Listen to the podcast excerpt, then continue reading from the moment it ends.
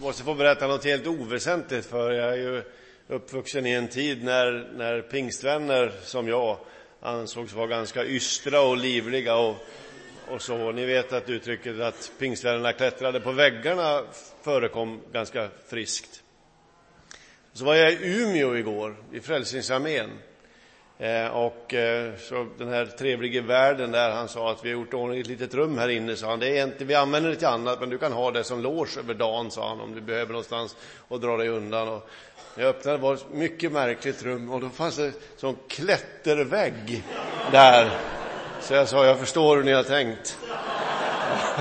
här ska jag ladda för dagen. Så om ni tycker att jag är ovanligt karismatisk idag så det är väl riskfritt kanske, men eh, då är det för att jag klättrade på vägg, väggar igår i Umeå. Jag ska försöka säga någonting idag om, eh, om bön som vänskap. Alltså bön kan ju vara väldigt mycket, det är ett universum att utforska bönens liv och bönens värld. Och någon har sagt att, att eh, inget liv är så överraskande som bönelivet och jag tror verkligen att det är så. Och en liten smal aspekt av det, men som kanske är ganska grundläggande, det är ju att fundera över bönen just som vänskap med Gud. Tanken började för mig när, jag, när någon berättade för mig att Moder Teresa en gång fick frågan, följande fråga. Eh, någon sa, eh, vad, vad säger du när, till Gud i dina böner? Och då svarade Moder Teresa, jag säger ingenting. Men vad säger Gud till dig då? sa frågeställaren. Och då sa hon, nej, han säger ingenting han heller. Han bara lyssnar. Jag ska strax återvända dit, men jag ska läsa en text ifrån Johannes 15 och från den elfte versen och framåt. Johannes 15 och 11. Detta har jag sagt till er för att min glädje ska vara i er och er glädje bli fullkomlig. Mitt bud är detta, att ni ska älska varandra så som jag har älskat er. Ingen har större kärlek än den som ger sitt liv för sina vänner. Ni är mina vänner om ni gör vad jag befaller er. Jag kallar er inte längre tjänare, ty en tjänare vet inte vad hans herre gör. Jag kallar er vänner därför att jag har låtit er veta allt vad jag har hört av min fader. Ni har inte utvalt mig, utan jag har utvalt er och bestämt er till att gå ut i världen och bära frukt, frukt som består. Och då ska Fadern ge er vad ni än ber om i mitt namn. Detta befaller jag er, att ni ska älska varandra. Herre, lys på ditt ord med din helige Ande. Vi har ingenting om inte du ger oss det igen och igen. Och vi ber att det där undret skulle ske idag, att du öppnar ditt ord för oss och att du öppnar våra hjärtan och, och lyser på ordet så att det blir liv hos oss. Tackar dig för det i Jesu namn. Amen. Vi skulle gå på eh, middagsbjudning, Lotta och jag, eh, hos våra bästa vänner. Ni vet en sån där middagsbjudning när man kommer ganska tidigt på eftermiddagen och hjälps åt med att göra maten och där allt inte måste vara färdigt exakt klockan 19 när man kommer och den ena parten har stressat hela eftermiddagen. Utan man hjälps åt och så äter man när maten är klar. Och då la jag märke till att på kortet till en liten blomma som vi hade med oss så hade Lotta skrivit följande ord. Det stod med glädje över en djupnande vänskap, stod det. Med glädje över en djupnande vänskap. Och så slog det mig att när man ska beskriva utveckling i just vänskapen eller kamratskapen så talar man gärna i termer av djup. Eh, följaktligen så när Jesus ska skicka ut sina lärjungar att bära frukt i världen och ge, och, och ge dem allt det de ber om i hans namn, så placerar han hela den utmaningen i det fundament som kallas vänskap. Alltså först säger han, vänner kallar jag er, ni är mina vänner. Sen ger han dem uppmaningen att gå ut och bära frukt och löftet om bönhörelse. Men allting bottnar på något sätt i att först konstatera, det är vänner vi är. Alltså, poängen med vänskap, det är ju att den inte måste bli bättre och bättre dag för dag. Utan man tänker att det vore förfärligt om man tvingades utvärdera vänskapen hela tiden. Har ni tänkt den tanken någon gång när man åker hem från en bjudning med vännerna och så i bilen hem så säger man så ja, hur var det idag? Ja, har det inte avstannat lite? Var det inte lite bättre förra gången? Nu, nu får vi göra någonting åt det här. Det vore ju förfärligt verkligen.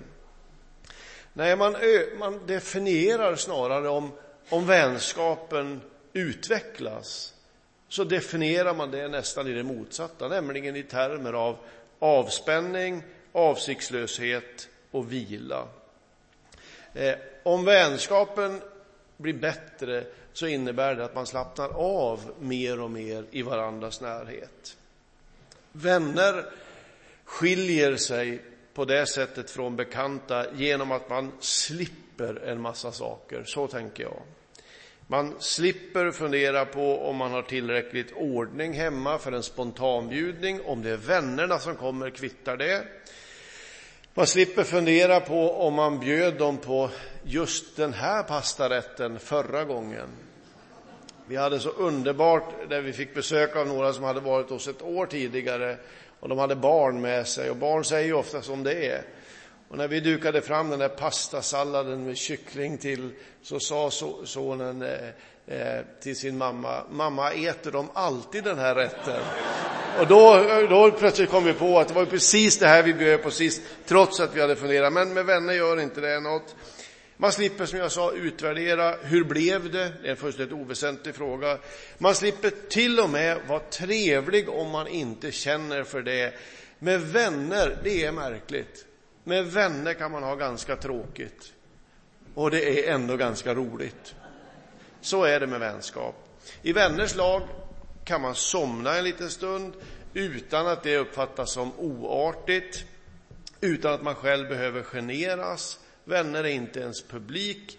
Vänner är vänner, punkt slut. Det är liksom bra som det är. Och så slår det mig att det är så här Jesus talar om vår relation till honom djupast sett. Det är här allting börjar. Först när det är sagt, det är bra som det är, det här är vänskap, då kommer utmaningen att gå ut i världen och bära frukt och löftet om bönhörelse. Allt det ni ber om i mitt namn ska ni få, som det står.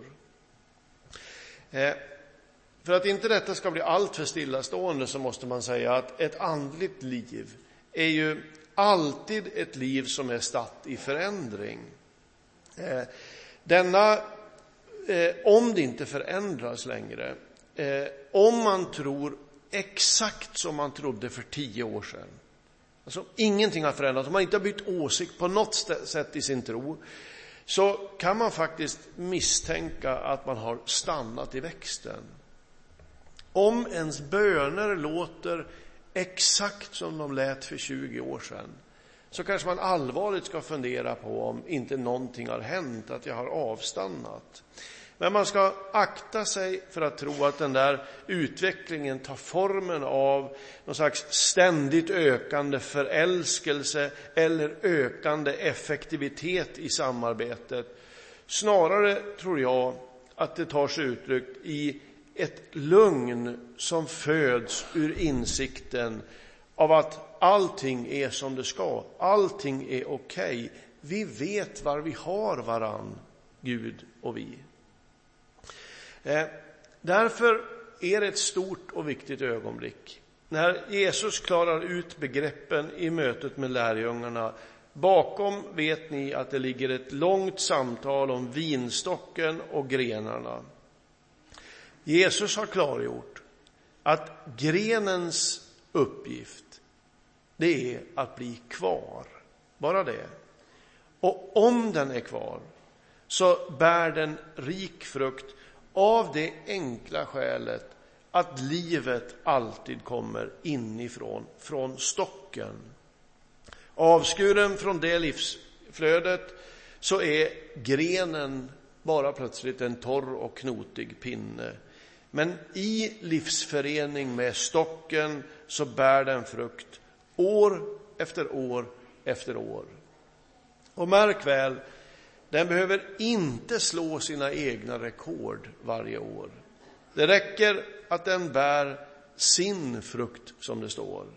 De andra vinrankerna finns också, de andra som också bär sin frukt. Och i den insikten finns väldigt mycket vila. Och här någonstans tror jag att en stor hemlighet gömmer sig med det som vi kallar för bön. Och då är jag tillbaka till samtalet med Moder Teresa. Frågan, vad säger du till Gud i dina böner? Och svaret, jag säger ingenting, jag bara lyssnar. Men vad säger Gud till dig? Han säger ingenting han heller. Han bara lyssnar han också. I det här svaret finns ingenting uppgivet eller avslaget. Ingenting. Detta handlar om två som har väldigt mycket att prata om, men som har nått ett djup i sin vänskap som gör att de är nöjda nu med att bara vara hos varann, bara vara med varann. För märk att detta kommer ifrån en människa som har levt länge med sin Gud och som har kämpat, kanske mer än de flesta, med sin relation till Gud. Jag är alldeles övertygad om att Moder Teresa skulle kunna ha gett flera svar på den här frågan om sina böner. Hon skulle kunna berättat om sina förböner för alla de som lider. Hon skulle kunna berättat om böneansvaret hon och systrarna gick in under, där man in i sin värld tog en större värld och tog ansvar för den i sina böner. Men den här gången valde hon att svara som hon gjorde. Kanske, tänker jag, därför att hon visste att det är precis här så många av oss går fel och vilse och hamnar i låsningar och kramp när det handlar om att växa eller mogna i bönen. Och så hör jag igen ekot av Jesu ord. Det är som om han säger till lärjungarna som nu står på tå och ska ut och vinna världen. Så säger han, men det är vänner vi är först och främst. Glöm aldrig det. Det är vänner. Och tydligen måste man börja där igen och igen. Och så tänker man att det ska vara så svårt. Att det är så lätt att krångla till det på bönens område. Jag hörde om en biskop som fick besök av en äldre kvinna. Hon kom till sin biskop därför att hon var bekymrad över sitt böneliv. Hon tyckte att hon ingenting hörde när hon bad och hon beskrev hur hon kämpade och bad och bad och kämpade och kämpade och bad. Men ingenting tyckte att hon hörde i andra änden. Då frågade biskopen henne den intelligenta frågan, vad tycker du om att göra? Då tänkte hon efter en stund och så kom hon på, och det finns en sak jag tycker väldigt mycket om, sa hon, och det är att sticka, sa hon.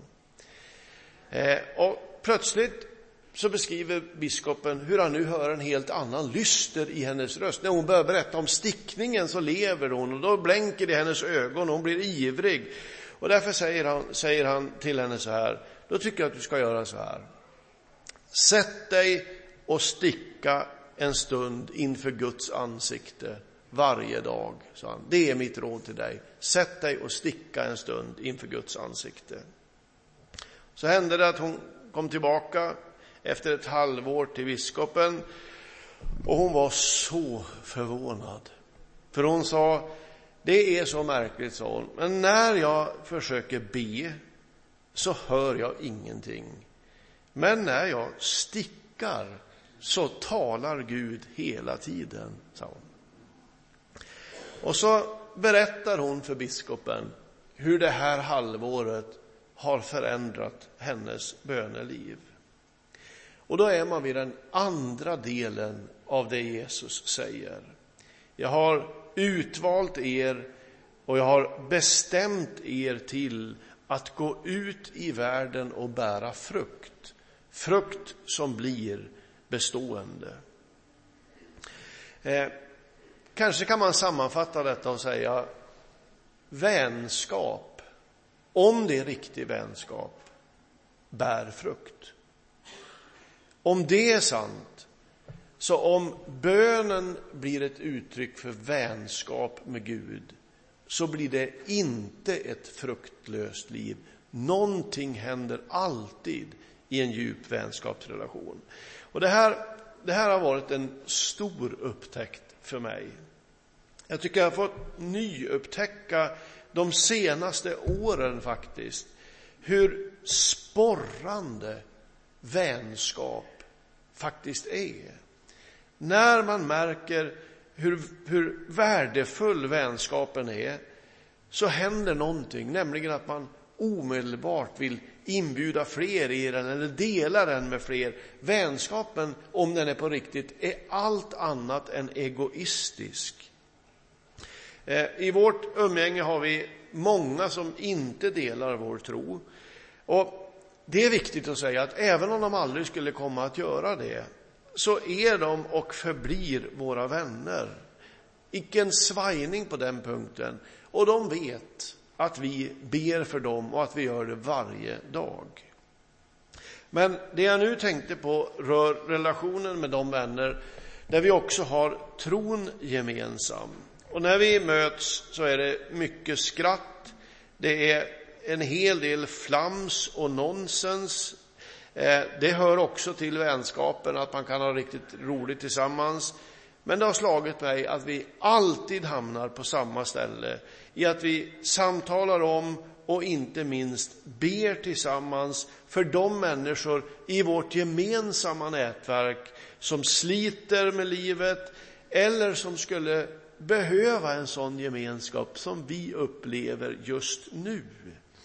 Det är som om, man, om vänskapen i sig själv, i sitt väsen, har någon slags inbyggd längtan. Den vill rymma fler. Den vill göra skillnad i världen. Och det är därför bönen som vänskap med Gud är så fruktansvärt kraftfull. Någonting händer när jag upptäcker att det är vänner vi är. Det här tror jag, och det är ingen ny eller, eller eh, märkvärdig tanke, jag tror att detta har med Gud att göra förstås. Vänskapen, det är en rännil ifrån Guds eget hjärta, där ju Gud är en ständigt utvidgande kärlek. Det börjar i Guds hjärta, i treenighetens liksom, kärleksrelation in, inbördes med varann. Och det räcker till sist till en hel värld. Så älskade Gud världen. Och det här kastar ljus över de människor som delade just vardagslivet, vardagsgemenskapen med Jesus. Efter att ha förstått det här så är dessa unga män och kvinnor som fanns nära Jesus, de är beredda på att ge sitt liv i tjänst för Jesus och senare faktiskt bokstavligt ge sitt liv för Jesus. Jag kallar er vänner, säger Jesus. Och när det liksom landade i deras liv så fanns det ingen begränsning för vad som kunde ske. De var beredda att gå ut, bära frukt, De var till och med beredda att dö för Kristus om det skulle krävas. Det är någonting kraftfullt i detta, avspända att konstatera, först och främst, det är bra som det är. Vi vet vad vi har varann. Och när den insikten landar blir man inte passiv, utan där någonstans föds kraft. Jag ska avrunda med att berätta att ni vet att strax före jul så dog en av våra viktiga andliga vägledare i det här landet, eh, Wilfrid Stinnisen, som ju var karmelitbroder. Ingen behöver nu bli orolig att jag ska konvertera eller något sånt där för att jag nämner en katolik. Det är riskfritt i mitt fall. Jag förblir pingstvän till den dagen jag läggs i graven. Eh, sen får andra göra vad de vill. Det lägger inte jag mig i. Men Wilfrid eh, har ju betytt väldigt mycket, inte minst därför att han ganska tidigt liksom bröt vallen med sin egen kyrka och kom att betyda väldigt mycket för folk i alla traditioner och, och inriktningar av kristen tro. Eh, jag träffade honom bara en enda gång och eh, i det där mötet, så, som var några timmar långt, en dag kanske, så fick jag med mig ett av de bästa andliga råd jag har fått, alltså som har betytt mest för mig i praktiken under mitt liv. Eh, och det var ganska kortfattat. Han sa så här. Det är bra som det är, sa han. Jag ska ge bakgrunden. Jag hade rest tillsammans med en kollega till Norraby, där han bor, Tågarp. Och eh, vi, vi hade skrivit dit och frågat om vi kunde få träffa honom, för vi ville prata om bön just. Och eh, han skrev tillbaka och sa att vi var välkomna. Det var en januaridag och det här eh, klostret där han bor ligger på andra sidan av en ganska stor äng eller så. Man går en grusväg över och det är långt att gå. Och det var sån här mjölkvit januaridimma den här dagen. Eh, och när vi går den här långa grusvägen där, så ur den här mjölkvita dimman så till slut så framträder ju huset där och då upptäcker vi att där utanför huset står den här lille mannen. Han, är ju, han var väldigt liten, han var inte mycket mer än en halv munk ungefär. Och eh, han står där ute och väntar på oss.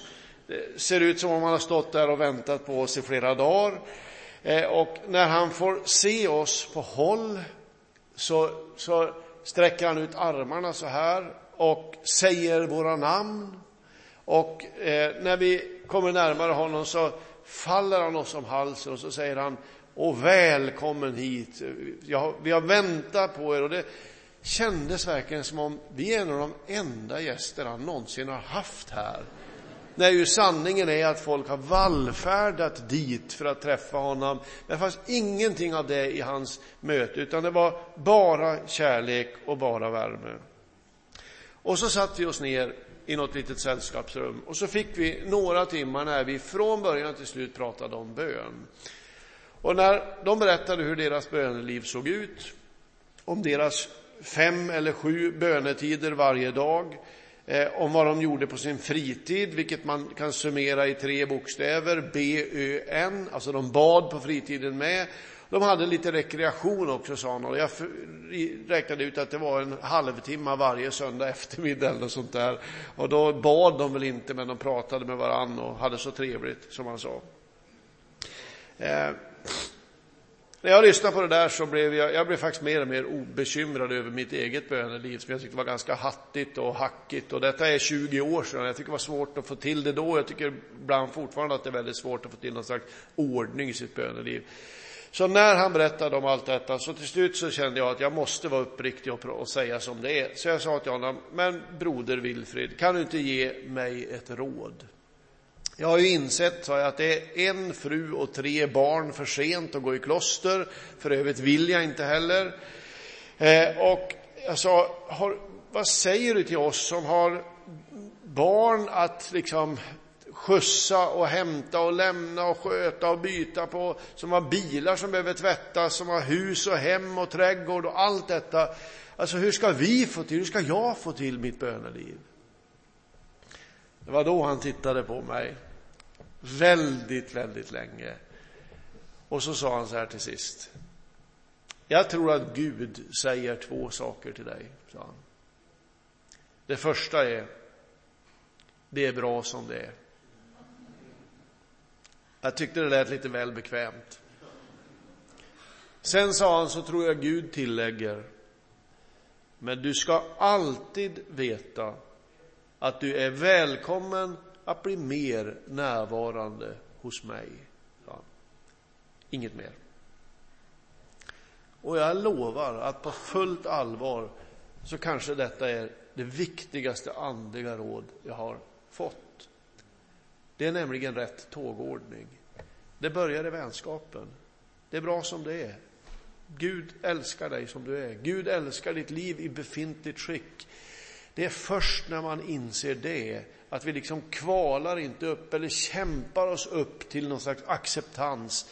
Det är först när man inser det som saker och ting kan börja hända och man inser men dörren är öppen, inbjudan finns där, in i bönens värld, in i närheten med Gud.